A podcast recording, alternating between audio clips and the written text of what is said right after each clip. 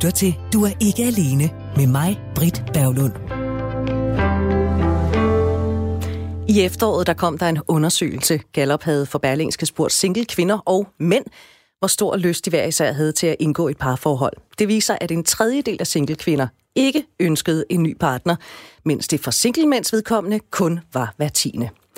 Vi singler, vi har det overordnet godt, forstået på den måde, at de fleste af os kan fint klare os alene, ikke mindst økonomisk. Så længe vi har venner, der kan give en hjælpende hånd med det praktiske, og øh, vi enten pakker vores sexliv væk, eller swiper os til en tur i hødet i ny og næ, så klarer vi os egentlig relativt fint. Jeg har det også fint, men jeg synes, det er lidt fattigt, må jeg indrømme, at leve uden kærlighed. Hvis du havde spurgt mig for 20 år siden, om jeg her i en alder af 46 ville bo alene og leve alene uden en kæreste, så ville jeg sagt, kommer der ikke til at ske. Det gjorde det. Jeg har det godt. Jeg kan klare mig økonomisk. Jeg har al den frihed, jeg overhovedet kunne ønske mig. Jeg kan gøre lige nøjagtigt, hvad jeg vil, når jeg vil, uden at skulle tage hensyn til nogen, og det lyder mega attraktivt. Og det er det også. Men der er nemlig et men. Jeg savner sgu en mand at læne mig lidt op af. En, mand, en mand, jeg kan kysse på, en mand, jeg kan holde i hånden, og så også det der med at være noget for et andet menneske, end bare en, øh, en bekendt eller en ven. Være noget end bare et menneske. Omvendt, så skal det jo heller ikke være for enhver pris, fordi som Anne Villemo sagde i en tidligere udsendelse, så øh, hvis kærligheden skulle komme forbi, jamen, så siger jeg ikke nej tak tværtimod, men det skal jo altså heller ikke være for enhver pris. Og da jeg gik hjemmefra tidligere i dag, der kunne jeg fint komme ud af hoveddøren, uden at skulle sparke mig forbi hården af mænd, der bejler til mig og ligger i kø for at komme til.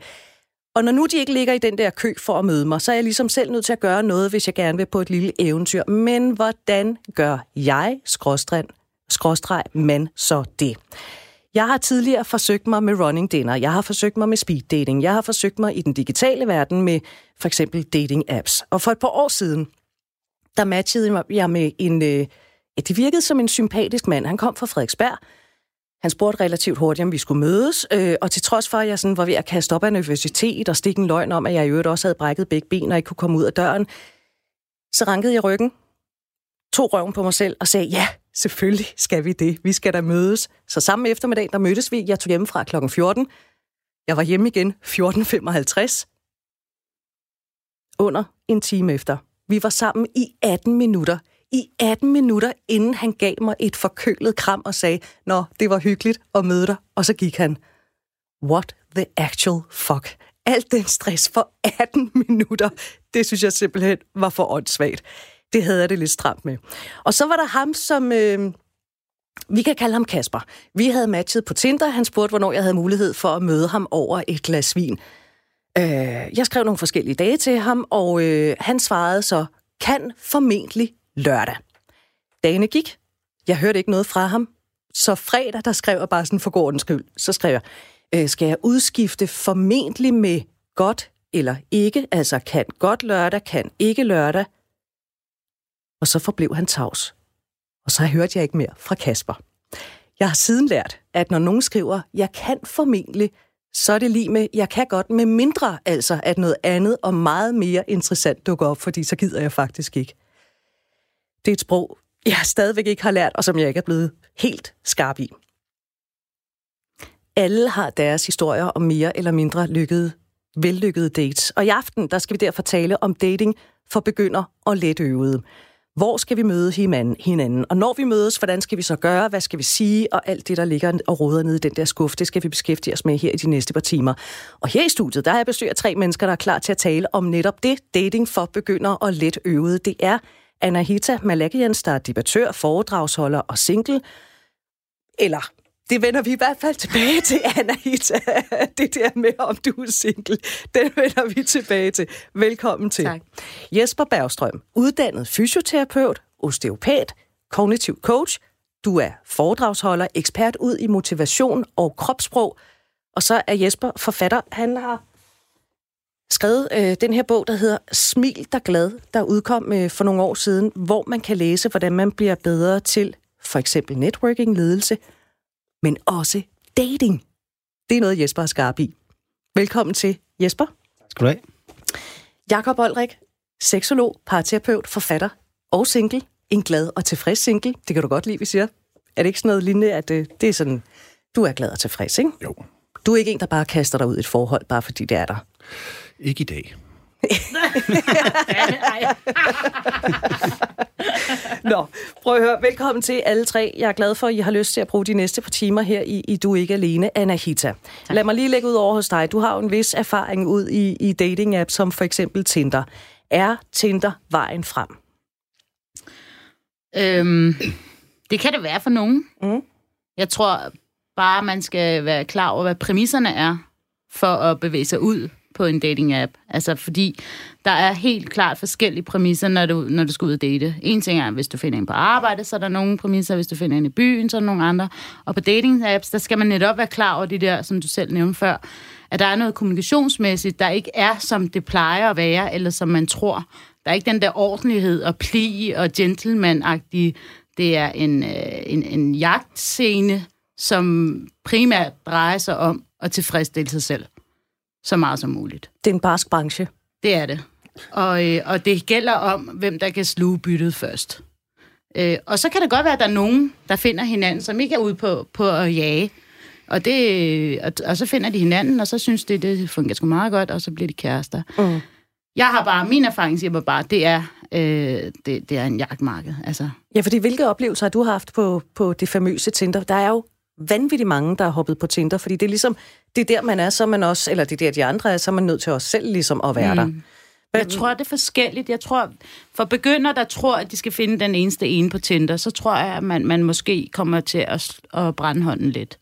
For sådan nogen, der har prøvet at date en del, øh, øh, som jeg har, der ved man godt lidt, hvor, øh, hvordan man skal gå frem, hvem er det, man falder for. for I første omgang, så handler det sådan, for, for sådan nogen som mig, der måske godt kan få en mand rimelig hurtigt, så, så er det rent og skær, når jeg keder mig, jeg går på Tinder. Altså, og det er der, hvor vi kalder det et spiltinder. Præcis. Og så, så når man har swipet, indtil der ikke er flere mænd, så er det game over. Og der er nogen, der kalder det sådan, øh, man prøver at samle så mange match som muligt. Og det er faktisk ikke det, øh, der, der interesserer mig. Jeg synes også, der er noget sjovt i det for mig at sidde og swipe. Mest af alt for at se, hvad er det for nogle mænd, jeg egentlig går efter? Altså, er det den samme type? Er det de samme træk, de har? Er det de samme tekster, der bliver skrevet? Er det den samme udstråling? Øh, lidt for os at finde ud af, burde jeg måske bevæge mig lidt væk fra den type, jeg har, for at finde nogen, der ikke hele tiden ligner de samme mænd, jeg falder for. Øh, for de er åbenbart ikke de rigtige for mig. Så, så der, der foregår en hel masse psykologiske ting for mig personligt, når jeg sidder og, og leger Tinder. Øh, men, men der er ingen tvivl om, hvis jeg sidder og keder mig, og jeg tænker, jeg skal da bare have et eller andet her nu, så er det der Tinder, man går på, fordi det er lidt ligesom, det er, det er skor.dk, for øh, der er bare blevet lidt pænere. der er bare blevet lidt pænere. Ja, jo, altså i nullerne der, hvor man havde, da skor.dk kom frem, eller 90'erne, hvornår det var, der vidste man bare, okay, dating.dk, det var der, hvor man var seriøs, skor.dk, det var der, hvor man skulle have sex. Ja. Og Tinder, det er primært sex. Altså nu fortalte jeg om ham her, der brugte ordet formentlig, som åbenbart så betyder nej tak, hvis der kommer noget ja. andet og mere interessant end dig forbi. Øh, hvor meget kan du genkende det der sådan lidt, at øh, nå, det kan være, der venter noget andet lige rundt om hjørnet? Jamen, øh, der er ingen tvivl om, at, at jeg, og jeg gør det også selv, øh, hvor man måske har lavet dates med to-tre forskellige den samme dag, fordi man ved, at der er i hvert fald en eller to, der falder fra. Så har man altid lige en backup. Det er simpelthen en strategi. Ja, ja. Du, du går ikke, altså du, hvis du gerne vil have en date, så satser du ikke alle, øh, alle pengene på en. Så, så sørger du for, at du ligesom har nogen, du lige kan trække. Nå, men skulle vi ikke lige mødes, og kan du i dag alligevel, eller et eller andet? Shit, jeg står bare og føler mig mega googly gook. Altså, Jakob Boldrik, kan du, kan du hjælpe mig her? Kan du, er det, øh, er det bare den helt forkerte fremgangsmåde, jeg har haft, når jeg... Jeg har faktisk prøvet at være sådan ordentlig og redelig. Mm-hmm. Øhm. Jamen altså, øh, det kommer an på, hvad du vil jo. Og det, det er jo tit der, som er øh, udfordringen, og hvor skuffelserne i virkeligheden kommer. Det er jo, fordi vi ikke rigtig er klar over, hvad det er. Vi tror, vi måske vil have en kæreste, men i virkeligheden var det måske bare noget sex. Eller vi tror, vi vil have sex, og så var det virkelig en ven, vi vil have. Ikke? Mm. Eller vi, vi tror, vi skal have øh, øh, et, et nyt forhold, men i virkeligheden var det bare, at vi røv keder os og var trætte af at se Netflix. Ikke? Altså, der kan være nogle bevæggrunde, som ligger sådan bag det der umiddelbare behov. Og hvis vi ikke ligesom gør os det klart, så kan vi risikere at, meget nemt at blive skuffet, fordi vi får jo ikke indfriet det, der i virkeligheden var, øh, der vi egentlig havde brug for. Og, og det der med for eksempel at have mange dates på en gang, det er jo rigtig smart, hvis man gerne vil være sådan i eventyret, Alice i Eventyrland, eller en tur ind i Tivoli og prøve alle forlystelserne og sådan noget. Ikke? Der er det jo rigtig smart. Men hvis du sådan seriøst er, at du vil have en partner, en kæreste, jamen, så vil det kun forvirre dig. Altså, og hvis du pludselig går i seng med alle mulige forskellige, så er klar, så får du alle mulige underlige signaler, og det kan være en meget smart strategi, hvis man ligesom godt kunne tænke sig at øve sig i at skille sex og, og følelser ad, ikke? Øh, det er der mange kvinder, der, der forundrer sig over, hvorfor vi mænd vi kan have sådan en umiddelbart let tilgængelighed til at skille de to ting ad. Ja. Det kan man faktisk gøre ved altså træne rent faktisk, ikke? Ved, ved, at, ved at lave mange uh, swipe og mange dates og gå i seng med de fleste og alt det her. Jamen, så får vi også en lidt mere hårdhudet, øh, øh, men vi går omvendt ikke tættere på en. Så hvis vi gerne vil have en kæreste, så bliver vi nødt til at være meget mere fokuseret og klar over, hvad det egentlig er, vi søger. Så, så den der skuffelse, den der lidt forvirring, du snakker om der, det handler om, at der måske ikke er tunet helt ind på den der ønskeseddel, du sender op til ønskeguden, ikke? som kommer med dit ønske. Ikke? Men hvis der ligesom er lidt, øh, øh lidt forvirring i signalet, og der ikke er tunet helt ind, så kan han ikke rigtig, han hun, øh, ikke rigtig forstå signalet. Altså, ønskefeen kan ikke læse det, kan ikke give dig det der er, fordi det bliver i virkeligheden ikke helt klart. Du er ikke klar over det selv, hvad det egentlig er, du vil. Så det er min egen skyld? Ej, skyld, det er måske et stort ord. Det er bare, det, det er noget med tuning. Ikke? Altså, få, få, få, få det, hvad er det i virkeligheden handler om? Er det, altså, der er jo mange, der tænker, jeg vil gerne have en kæreste, men ved du så også det? Er det kun den der angst øh, søndag, du vil have det, og, og onsdag, fordi der har du et hul i kalenderen? Jamen, det er jo det er måske ikke den, du møder, det han tænker om min kæreste. Så der kan være mange forskellige måder også bare det at sige en kæreste. Hvad er det for en type kæreste? Skal I bo som? Skal I Skal I børn? Skal I ud og rejse? Eller skal I bare være elskere i virkeligheden? Ikke? Øh, eksklusiv elsker. Altså, der er jo tusind måder, og jo mere vi egentlig gør så, eller du gør, eller vi alle sammen gør så klar, hvad det egentlig er, vi søger, når vi kaster os ud i de store jagtmarker, jo mere præcis kan vi også gå ud og finde den fisk, vi vil have. Det er en hård branche, Jesper Bergstrøm. Ja. Altså, jeg tænker tusind ting lige nu. Der kommer så mange gode, interessante input. Altså, øh, jeg tænker det, jeg kalder Tinder-betændelse. Er det simpelthen, at folk de bliver nogle overfladiske røghuller, når de er på det? Og det, der sker, det tror jeg simpelthen, at det er, at det er så nemt. Altså, vi lever i sådan en verden i dag, hvor det er, er, er brug og smid ud. Og det er mm. så nemt at finde noget derinde. Og jeg tror simpelthen, at mange mennesker i dag, de kommer ind i en rigtig, rigtig dårlig spiral på Tinder. Og jeg tror, at rigtig mange mennesker derinde, de er derinde, som Jakob siger, af forkerte årsager. Mange af dem, der er derinde, de er der måske, det er ikke sikkert, de er klar over det, men de er derinde for anerkendelse. Ja, så kan det også være, at man siger sex, men hvad er sexen et middel til at opnå? Måske er der nogen, der ikke kan mærke sig selv. Måske er der nogen, der er ked af det. Rigtig mange på Tinder, de har kærestesover og prøver at, at få noget, et, øh, et hurtigt slag øh, småkage på en eller anden måde en søndag aften, øh, angst søndag aften, som Jacob siger jeg synes, det er et lortemedie. Altså, som udgangspunkt er det godt for de fleste, men, men der er mange, der er derinde af de forkerte årsager, og det smadrer folk. Og så går du derind, fordi du har kærestesover, så tænker du, så skal jeg lige have et, øh, et hurtigt slag. Mm. Øh, og så møder du en, som, og så er du faktisk et koldt røvhul, fordi du skal bare lige øh, have noget sex, eller møde en anden, øh, fordi så kommer du væk fra din egen følelse, så kan du ikke mærke dig selv. Så møder du en anden person, der synes, du er meget sød. Måske bliver forelsket i dig, men du er et koldt røvhul over for personen, og så når du at sove dem, så de smadrer deres hjerte. Så går de videre og bliver kold røvhul over for andre, og til sidst så ender man med en helt, et helt community af mennesker, der faktisk er fuldstændig såret, og har kærestesover og har det helvede til sig selv, og så bruger man den der app. Og så har jeg ved godt, det lyder rigtig hårdt, men jeg tror faktisk rigtig meget altså, på det det spreder sig som ringevand. Så der, der, altså, du kan se hele København, halvdelen af dem, måske 70-80 procent, render rundt med dårlig selvværd, kærestesover, øh, uforløste, unfinished business, øh, svigt og alt muligt, og så bruger man til det der. Og det er klart, så er det jo meget nemmere at være en kold skid.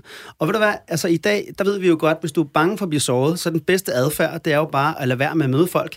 Eller øh, så når man møder en, og man er bange for at give sig hen og bange for at blive såret, så er det meget nemmere at sige, at ham der, han har en skæv næse, ham der, han har hammertær, ham der, han har vand i kælderen, så bliver man for lækker til love der er også en tendens til, altså øh, det, det er rigtig nok, dem der er på Tinder har den der, øh, hvor de er kolde i røven, de fleste af dem, ikke? Og, og hvis du netop ikke selv har set, at det er sådan, du skal være, for at kunne være i det, øh, som der, det, der er jo ikke noget, det er legitimt nok at bare gerne vil have sex, men så skal du bare være klar over, at du er nødt til at på, påtvinge dig selv også at være den kolde skid, hvis du skal kunne leve i det.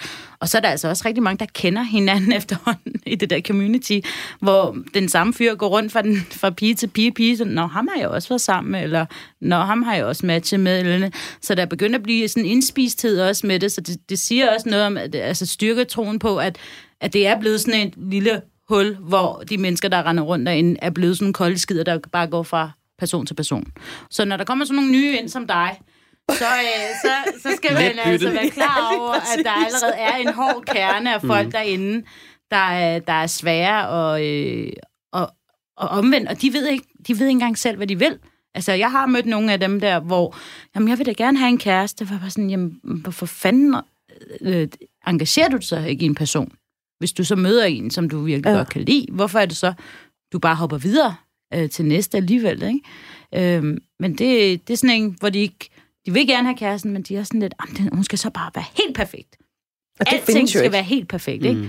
Og det er jo utopi, altså. Men det er jo også meget naturligt, tror jeg, nogle gange, at, at, at når mennesker er inde i sådan en community, hvor der er den energi og jargon og adfærd, så bliver man desværre påvirket af det selv. Altså, vi er jo produkter af vores omgivelser. Øh, og hvis du er sammen med nogen, eller skriver med nogen, som der ghoster dig, så ghoster du måske også nogle andre. Og så er du sammen med nogen, og så bliver du, bliver du forelsket i dem, og så, du ved, lige så hører du ikke fra dem, så bliver du også selv en kold skid, og så, så ender alle med at bare smitte hinanden på en rigtig dårlig måde.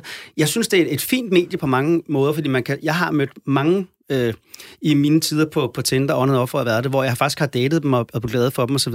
Jeg har også oplevet, øh, jeg har også haft nogle dårlige oplevelser, men jeg tror bare, man skal bare tænke sig rigtigt. Altså, det er ikke et studie af Emma Gad at være på Tinder, lad mig sige det sådan.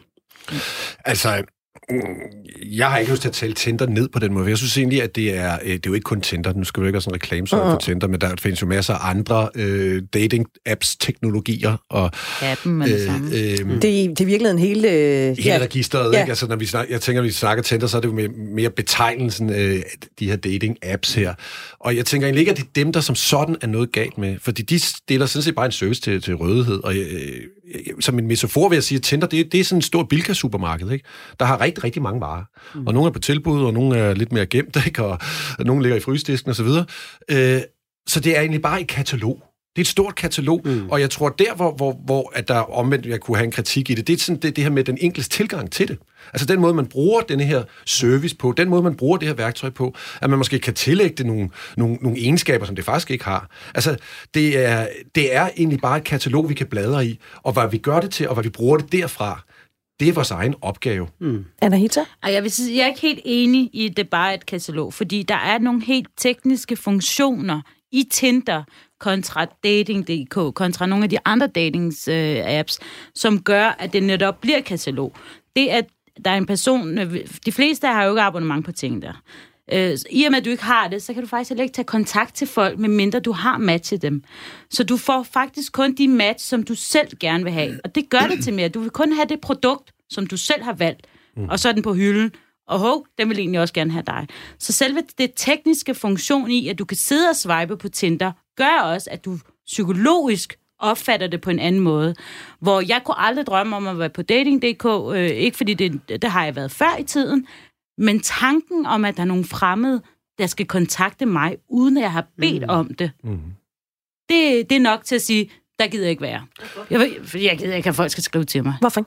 Øh, du kan sgu jeg blive overrasket. Jeg vil, jeg vil selv vælge, hvem jeg gider skrive til. Det kan jo være, at... Øh, at og du hvornår bliver... jeg gider skrive til den. Og hvornår jeg har lyst til at skrive til den. Og hvis det er nogen, jeg, jeg overhovedet tænder på. Øh, altså, sådan, sådan, det er lidt der, vi er i. Og det er derfor, jeg siger, selve Tinders tekniske funktion gør, at det bliver bare endnu mere selvisk, endnu mere egocentreret i forhold til, hvad du selv gerne vil, kontra at være et kommunikationsplatform, hvor folk kan møde hinanden. Ja, det ved jeg ikke. Altså, fordi Tinder er jo omvendt jo bare en på en måde en digital kopi af virkeligheden. Ikke? Altså i hvert fald den der helt umiddelbare rå virkelighed. Altså, når du kommer ind på en bar, så laver du et retterblik, så kigger du lige, og der var en sød fyr der, og ham der, han der, nå, ham der, nej tak. Ikke? Altså der laver vi jo sådan en swipe-blik, når vi lige kører henover. Altså så den præmis, den er, jo, den er jo sådan set også, hvis vi gik ud i bylivet, eller hvor vi nu ellers skulle finde på at møde mennesker, eller gå til et eller andet nej, nej, det, aftenskole, det så vil vi også, når vi sætter os ned, der kommer en, sidder en ny klasse, så sidder man også helt automatisk ind i hovedet, så sidder vi også og swiper lidt rundt, og så kan vi så blive overrasket. Ikke? Mm. Og, og, og, det er jo det fantastiske. Men det der umiddelbare, der har vi jo den der. Der er det jo egentlig bare en kopi af det der swiperi, vi egentlig har. Og, øh, og det skal man jo ikke gøre til andet. Man skal jo ikke gøre det til mere. Man skal jo ikke tænke, at det er her, at man så skal forvente en eller anden større intellektuel åbenbaring. Eller... Nej, det er egentlig bare, vi har lige swipet her, øh, og, og så er den egentlig ikke længere.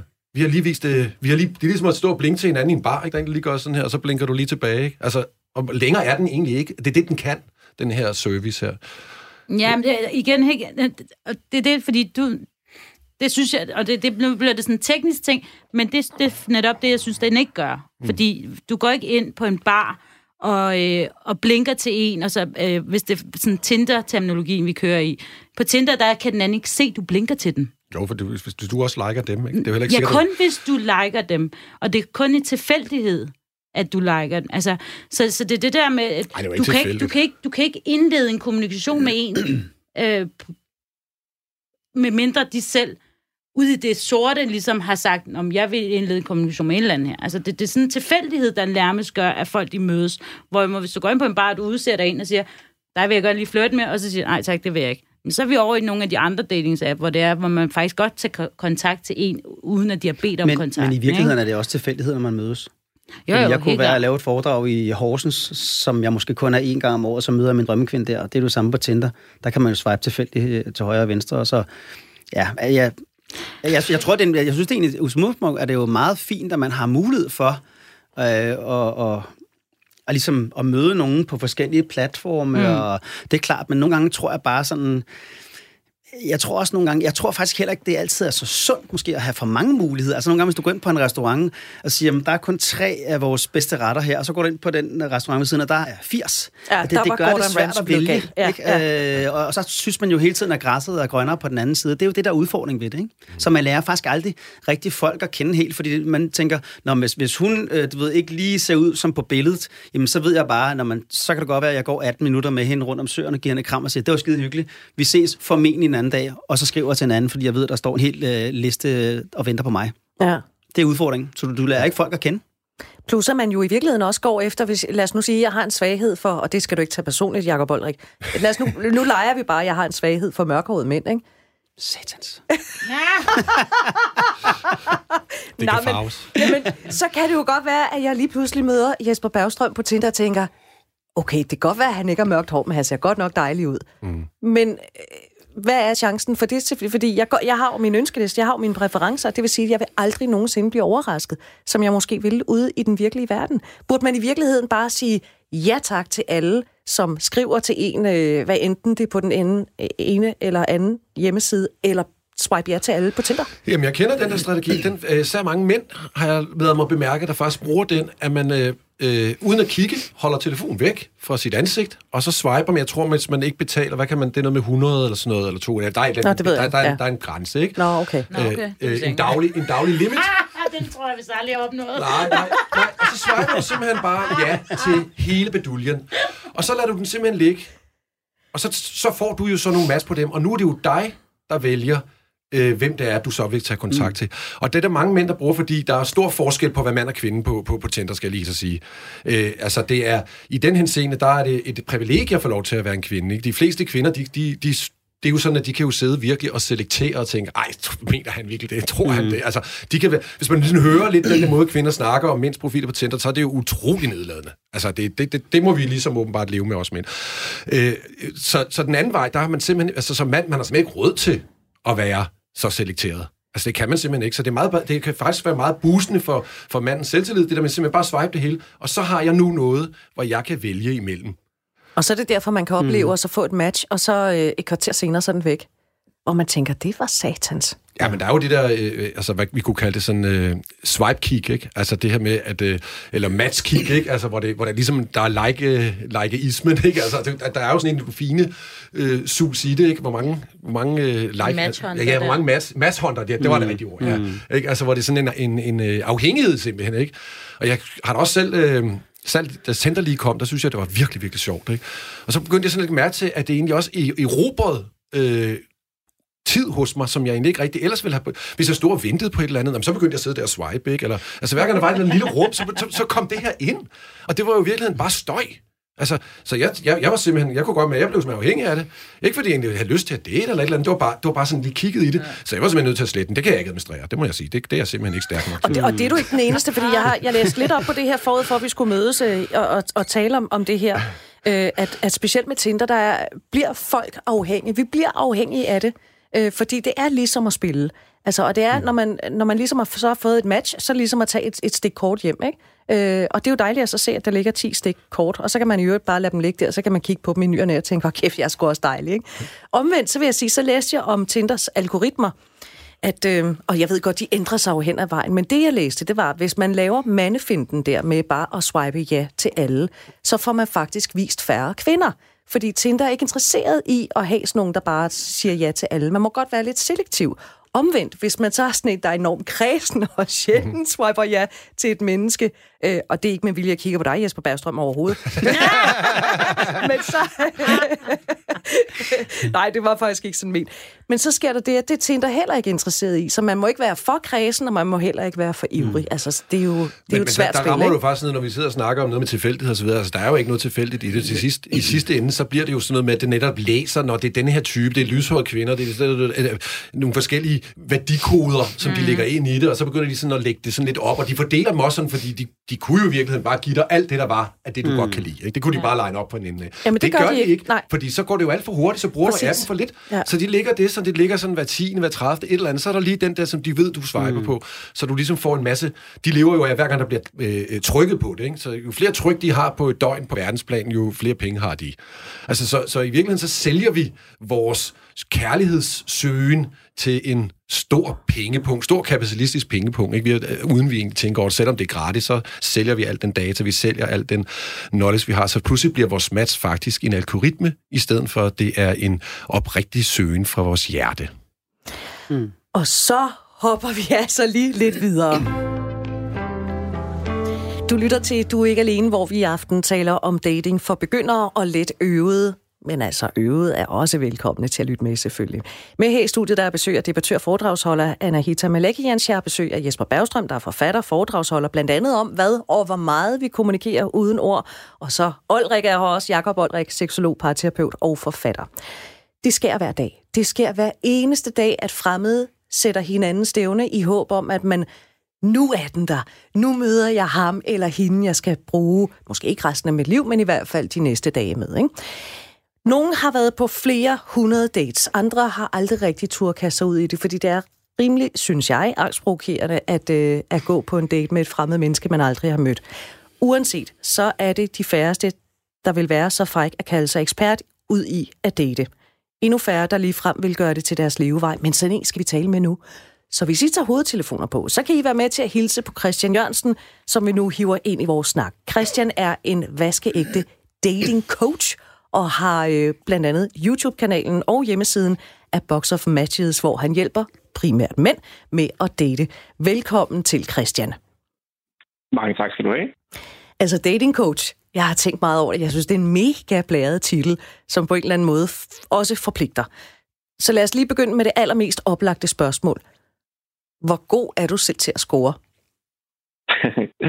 Ja, det er jo et super, super godt spørgsmål. Altså, jeg kan sige så meget, at jeg har været, jeg har været på datingmarkedet et par år, og så vil jeg da selv sige, at nu er jeg blevet så god, at jeg har simpelthen fundet mig en fantastisk dejlig kæreste. Ja, Så det er gået ganske godt. og Anita, som sidder her i studiet, hun sidder lige og smiler lidt og Det var hej. sådan et politisk øh, svar, det der. ja, lige præcis. Så jeg er jo nødt til at spørge, altså, er du en af dem, der har været på flere hundrede dates igennem tiden? Lad os bare sige, at jeg har været på en, på en ret stor del. Jeg, jeg kan godt sige, at jeg, jeg, jeg har nok været over på over 100 dates, og har mødt en masse jamen, forskellige typer kvinder. Egentlig for ligesom at finde ud af, jamen, hvad, hvilken, kvinde, hvilken type kvinde er jeg egentlig selv til. Okay. Så du havde ikke sådan en nødvendigvis en lang liste, med, altså, hvor du skulle vinge det ene øh, kriterie efter, efter det andet? Du var rimelig åben. Ja, altså man har jo altid nogle, øh, nogle idéer om, man godt kunne tænke sig, men jeg synes også, det er farligt at komme op med en liste og sige, hun skal være sådan og sådan og sådan. Fordi hvis du så er ude med en virkelig sød pige, og hun bare lige misser et punkt på din liste, jamen, så frasorterer jo hende jo egentlig psykisk. Anahita, har du øh, nogensinde opereret med en liste med punkter, som der skulle opfyldes af en kommende date? Altså, du ved, øh, han skal være mørkhåret, og Ja. han skal være 180 cm høj, og han skal i øvrigt også have brugstørrelse 44 i sko, eller hvad ved jeg. Og så skal han også være, have en længere videregående uddannelse, eller hvad ved jeg. Øh, ja, jeg tror, altså, det er ikke sådan en uh, liste, jeg har skrevet ned. Jeg tror, det er mere sådan en uh, instinktiv liste, jeg sådan hurtigt uh, går igennem mit hoved. Ikke? Uh, igen, at han, han skal være lyshåret, gerne uh, blå øjne, han skal have sådan en arisk udseende, han må gerne være lidt, øh, ikke rund i ansigtet, men sådan lidt firkantet i ansigtet, en høj pande.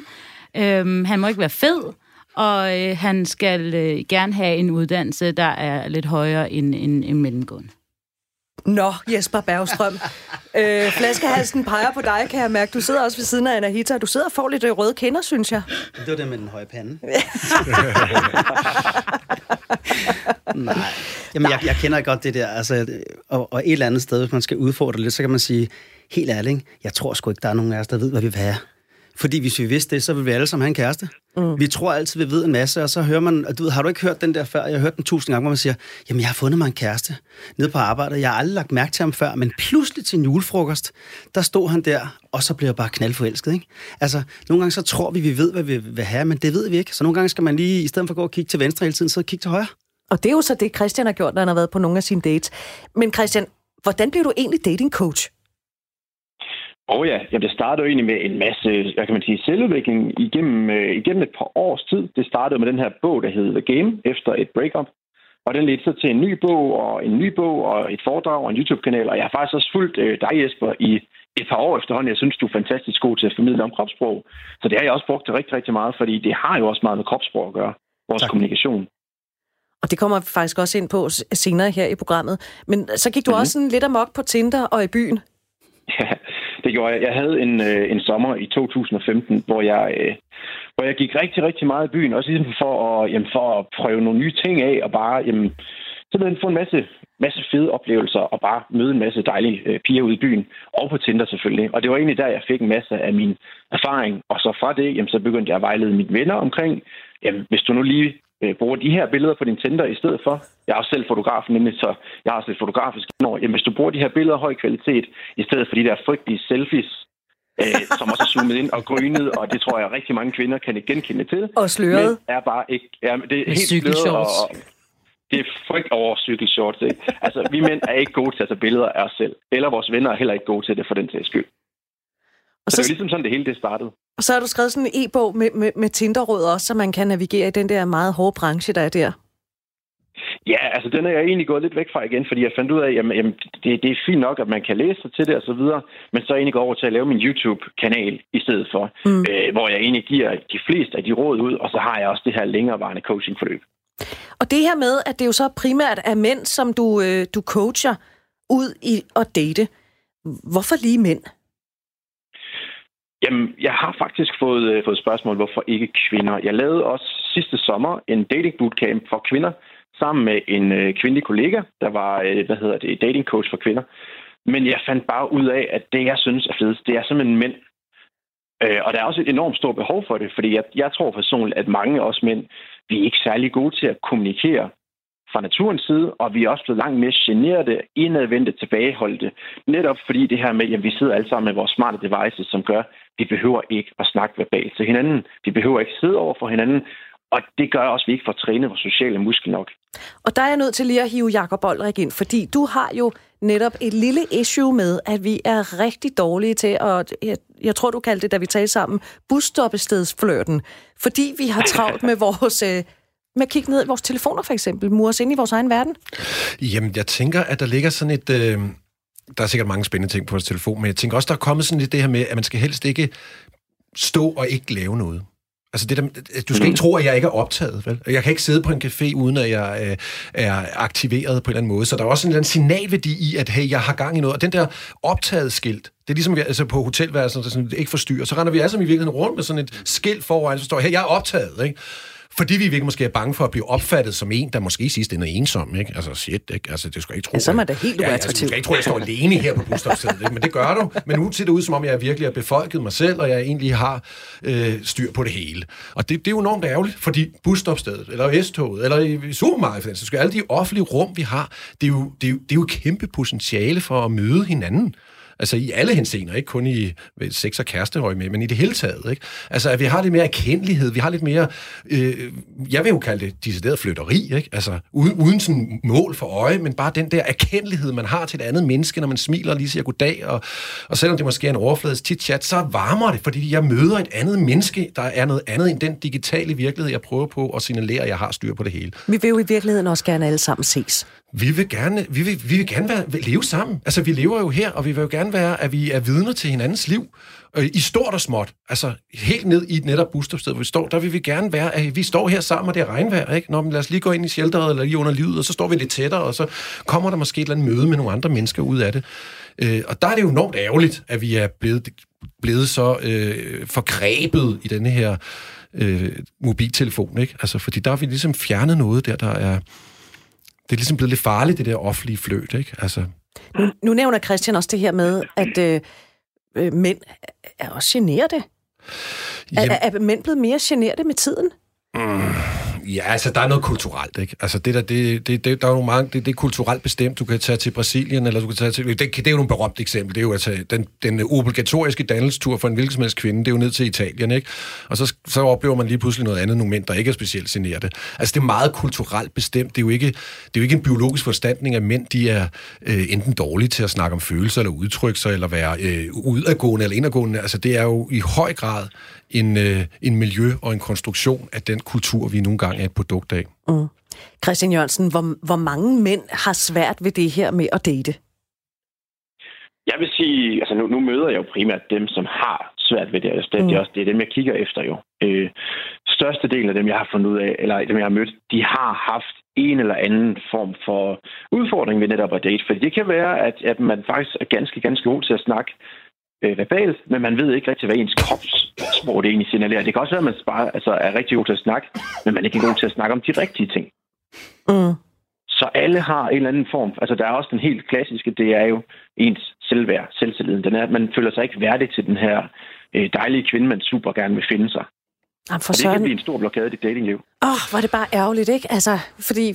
Helt vildt. Altså, hvis, der er jo ikke noget bedre, synes jeg, som øh, er ret begejstret for mænd, øh, der kan finde ud af at slå sig på brystet som en anden øh, øh, liderlig gorilla, vel? Altså, på den god gode måde. Jeg, jeg synes, du har en vig- vigtig mission der, for jeg møder, altså omvendt, så, så er det jo stort set kun kvinder, jeg beskæftiger mig med. Dem synes jeg er så mest mm-hmm. interessant. det gør du vel.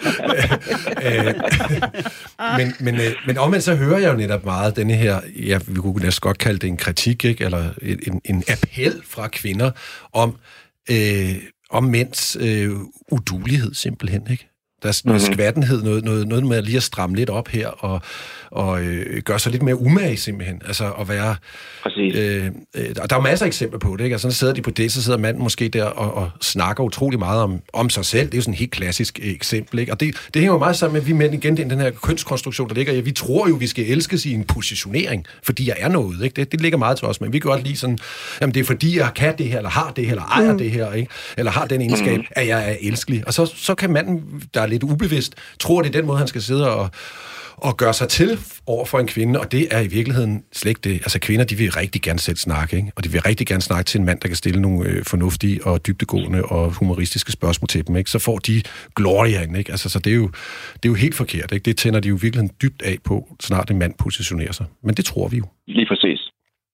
Det er vel i virkeligheden også sundt, at der er mænd, der har nok selvindsigt til at gå til sådan en som Christian Jørgensen, der er datingcoach Jesper Bergstrøm, og sige, jeg ved sgu ikke lige, hvordan jeg skal gribe det her an. Øh, mit selvværd er måske heller ikke så højt. Hvad, kan du hjælpe mig? Jeg synes altid, det er altså en rigtig, rigtig god idé at have noget selvindsigt. Fordi rigtig mange mennesker render rundt med mange problemer, de ikke får gjort noget ved, fordi de faktisk ikke engang er klar over, at de har dem. Altså, det, det er jo svært at få en alkoholiker til at lade være med at drikke, hvis de ikke selv oplever, at de drikker for meget. Så hvis man kan nogle gange kan lægge sig fladt ned og sige, prøv at høre her, jeg har et problem med dating, jeg er sgu ikke særlig god til det, så er det jo første skridt til at ændre en adfærd eller få noget hjælp. Så man er jo nogen, nødt til nogle gange at være opmærksom på sin egen adfærd og sige, hvad er mine udfordringer, og hvad vil jeg gerne opnå, og hvordan kan jeg opnå det? Hvad skal jeg gøre? Og jeg synes, det er en super god idé. Jeg, jeg tror også, at, som vi talte om før, det der med de sociale medier, det er en kæmpe udfordring i dag med de sociale medier, fordi at vi bliver dummere og dummere socialt. Altså i dag, der kigger vi jo ikke hinanden særlig meget i øjnene i forhold til bare for 5-10 år siden. Det vil sige, det er jo meget fedt, og det er jo meget nemt at sidde bag sin Tinder og være en fucking tyrefægter og synes, man er the shit. Og lige pludselig så skal man ud og møde nogen øje til øje, og så finder man faktisk ud af, at det er jeg altså ikke særlig god til. Så ligesom øh, alt muligt andet, så kan man altså træne det. Man kan træne sine sociale færdigheder, og, og det er bare et kæmpe problem i dag. Og det er derfor, der er rigtig mange mennesker, der er ensomme, øh, triste. Den anden største sygdom i verden er depression, og det bliver kun værre, hvis vi ikke tager os sammen. Og Christian Jørgensen, du siger jo, at øh, man kan faktisk sammenholde, altså mænd, der går til, til dig, det kan man sammenholde med firmaer, der gerne vil have en vækst. De må også opsøge nogen, der ligesom kan hjælpe dem med det. Og det samme mm. med mænd i virkeligheden, at øh, du, kan, du kan hjælpe dem med det, de har svært ved. Lige præcis. Altså ligesom Jesper han siger, du kan være nok så god til, om det er Tinder eller hvilken app du nu bruger når du så kommer til stykket, du faktisk skal ud på date med hende her pigen her, jamen hvis du så overhovedet ikke kan begå dig socialt, jamen så har du brug for noget vækst. Du har brug for en anden mentor, der så man kan gå ind og sige, ved du hvad, nu finder vi ud af præcis, hvor du er henne, og hvor vi skal forbedre os, og så hvordan vi kan få dig personligt til at rykke dig, fordi der findes også et væld af videokurser online. Altså, der har aldrig været så meget tilgængelig fri information, men det viser, altså man kan også bare se, folk, de, vi tager det ikke rigtig til os mere, fordi vi har, ikke, vi har ikke selv lagt noget i det, og vi har ikke et stort nok, hvad kan man sige, why til gerne at vil udvikle os selv. Så det kræver også en hel del selvindsigt, som vi snakkede om, jamen, at sige, jeg har brug for noget hjælp. Og det her med, øh, altså for eksempel en score-replik, ikke? Altså, øh, mand sidder over for dig, og så siger, ej, altså dine øjne, de er simpelthen så smukke og dybe som skovsøer, jeg får helt lyst til at drukne mig. Det er jo ikke det, er ja, det du uddeler dem, vel? Også. Hvad siger du? Nej. Ej, så skal jeg lige huske at give en brækpose også. du uddeler ikke scoretricks, men hvad er det så, du giver dem? Jamen det, det, jeg egentlig går ind og gør, det er, at jeg finder ud af, jamen, hvad gør den her mand her unik? Altså, hvad er det, han har at byde på? Og så lærer jeg ham ligesom at, at formulere sig med det. Ligesom vi snakker om før, jamen, jamen bare fordi han er god til, og det kan være at sætte hylder op, som mange kvinder godt kan lide, så er det sgu ikke altid nok. Han skal også, han skal også kunne, kunne, kunne kommunikere på kvindens lidt dybere niveau med nogle dybere livsspørgsmål. Og egentlig bare, hvordan han får sit eget selv, sin egen personlighed mere frem og får den boostet. Og hvordan han bliver god til at kommunikere det ud. Det er faktisk det, jeg går ind og arbejder rigtig, rigtig meget med. Hvad kan date, som byturen og for eksempel Tinder eller Dating.dk eller Happen eller nogle af alle de andre apps ikke kan? Åh, det er jo et super godt spørgsmål, fordi byturen, det er jo oftest nogen, hvor folk de har drukket en hel del Tinder, det er blevet så overfladisk, og man skriver gerne med 20 på en gang. Så en date, den er jo langt mere personlig, og den er også direkte konfronterende. Du kan ikke bare lige, øh, du kan ikke bare ghoste en person midt i en date, så er du meget ubehøvlet i hvert fald. jeg har hørt om det. Jeg har hørt folk, de smutter. Men det er sket. Men forhåbentlig når man ikke dertil.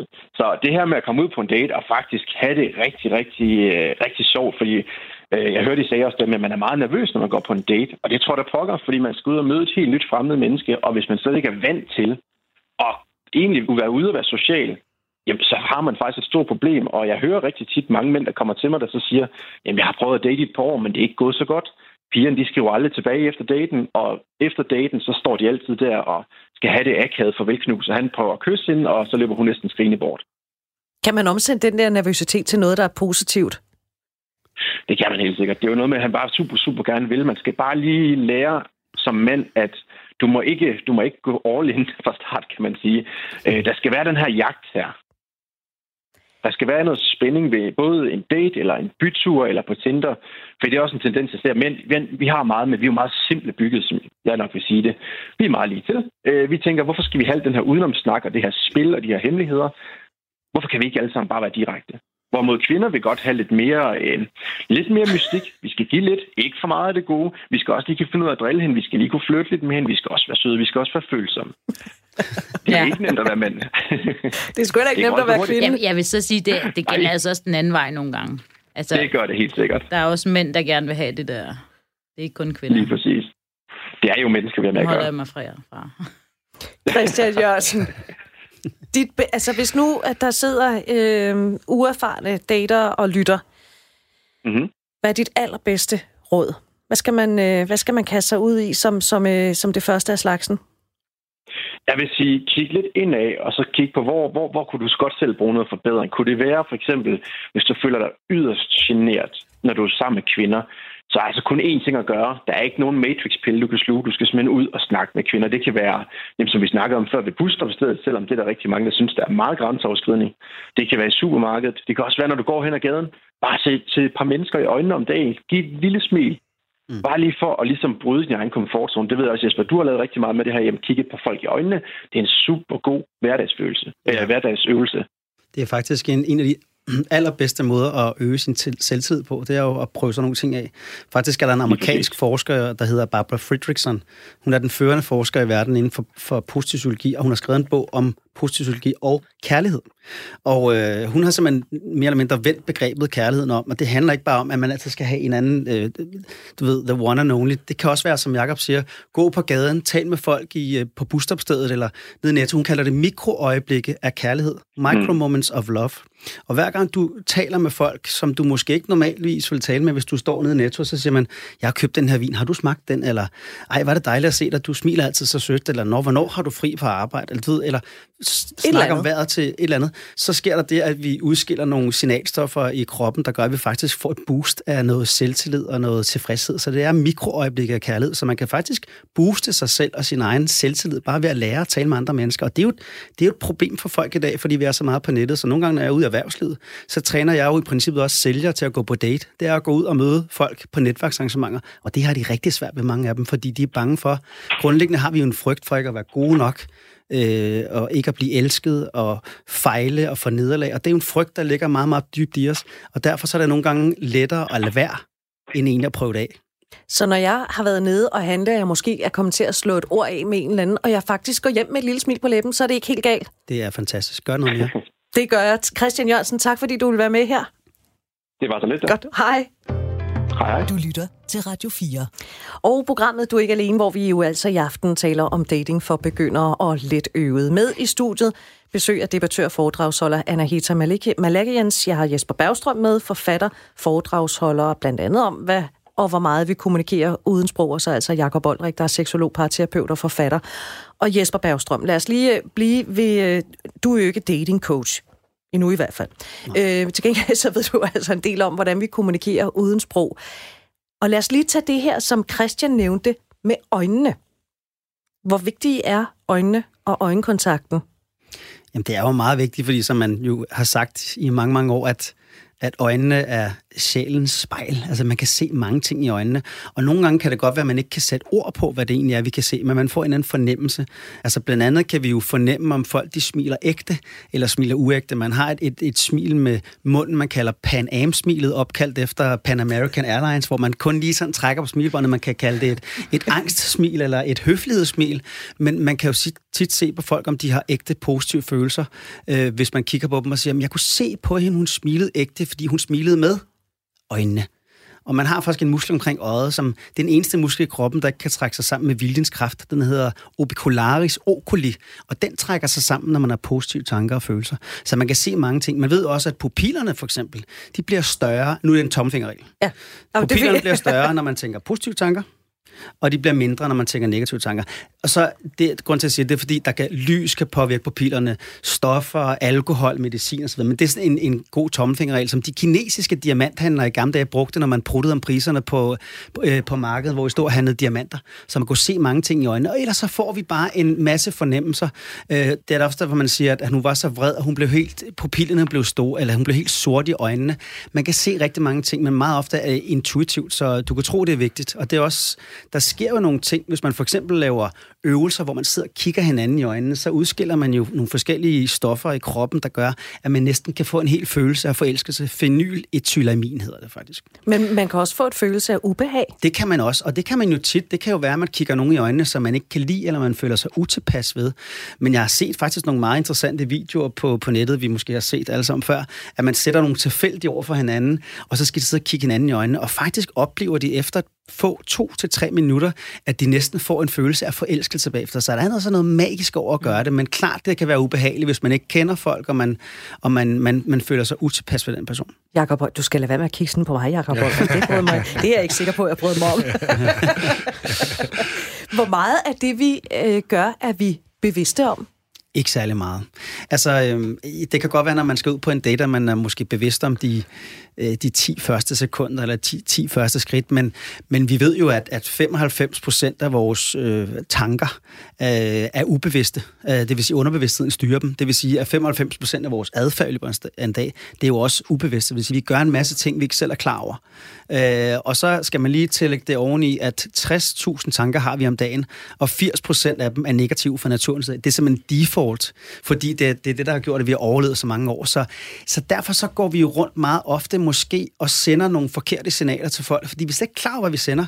Og, og, og du kan se, at nogle gange, når jeg laver min foredrag, så spørger jeg, så siger jeg til alle kvinder, nu har jeg lige et spørgsmål, jeg gerne vil stille jer.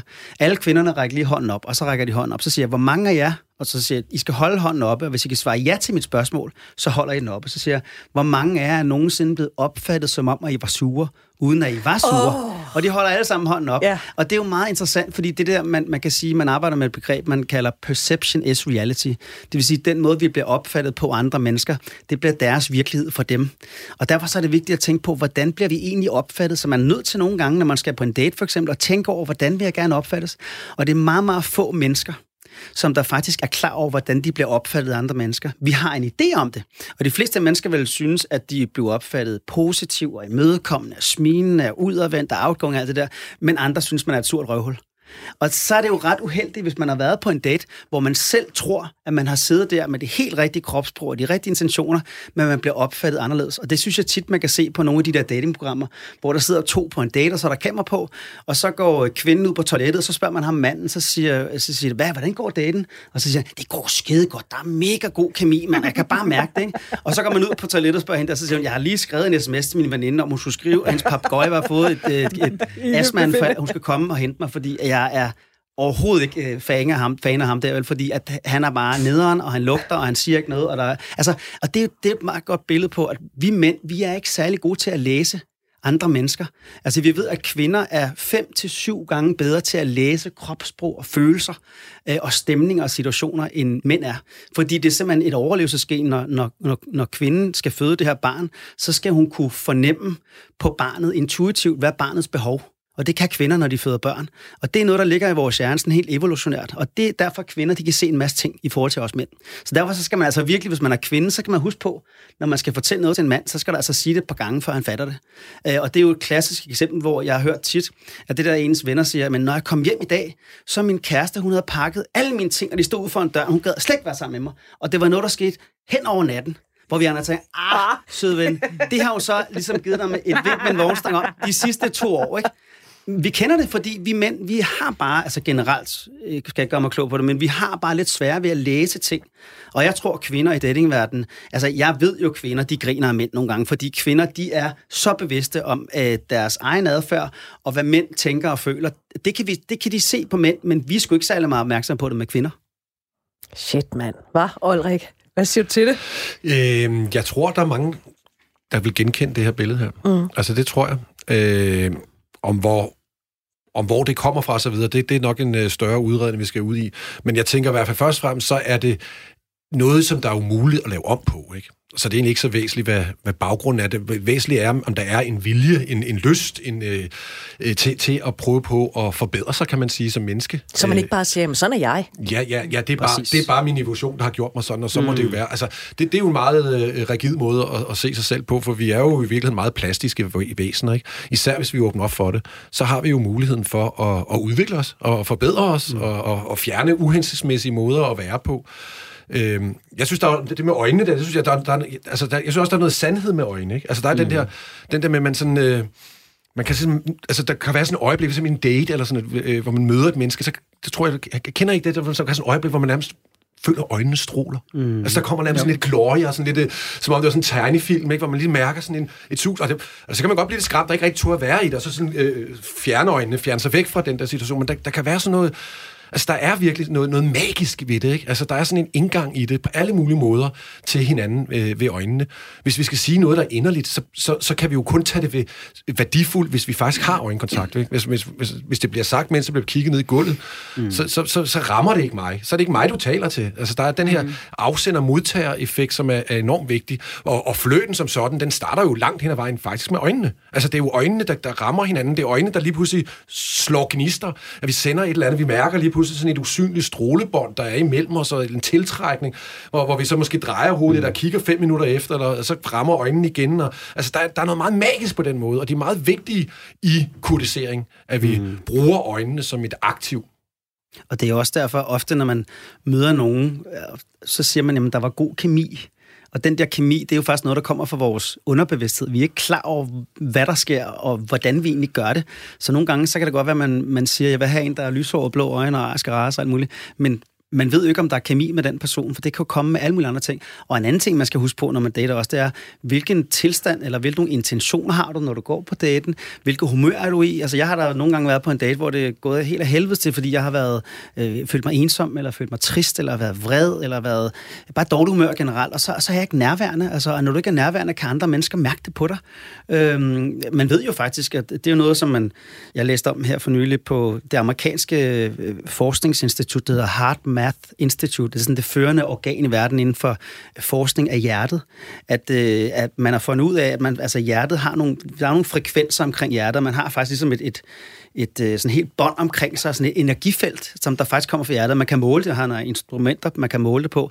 Og, og det kan andre mennesker også mærke, så man kan faktisk fornemme intuitivt på andre mennesker, hvilke nogle følelser de har, fordi hjertet slår forskelligt, alt afhængig om du er vred, eller ked af, eller ensom, eller jaloux, eller du er medfølende, eller glad, eller passioneret og begejstret.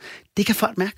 Ja, tak. Og, og vi skal tale meget mere om det her, øh, fordi vi har en time tilbage af udsendelsen Jesper Bergstrøm, Anahita Malakians og Jesper, eller Jakob Olrik, undskyld, har lovet at blive her frem til kl. 22. Lige nu skal vi have nyheder, klokken er 21.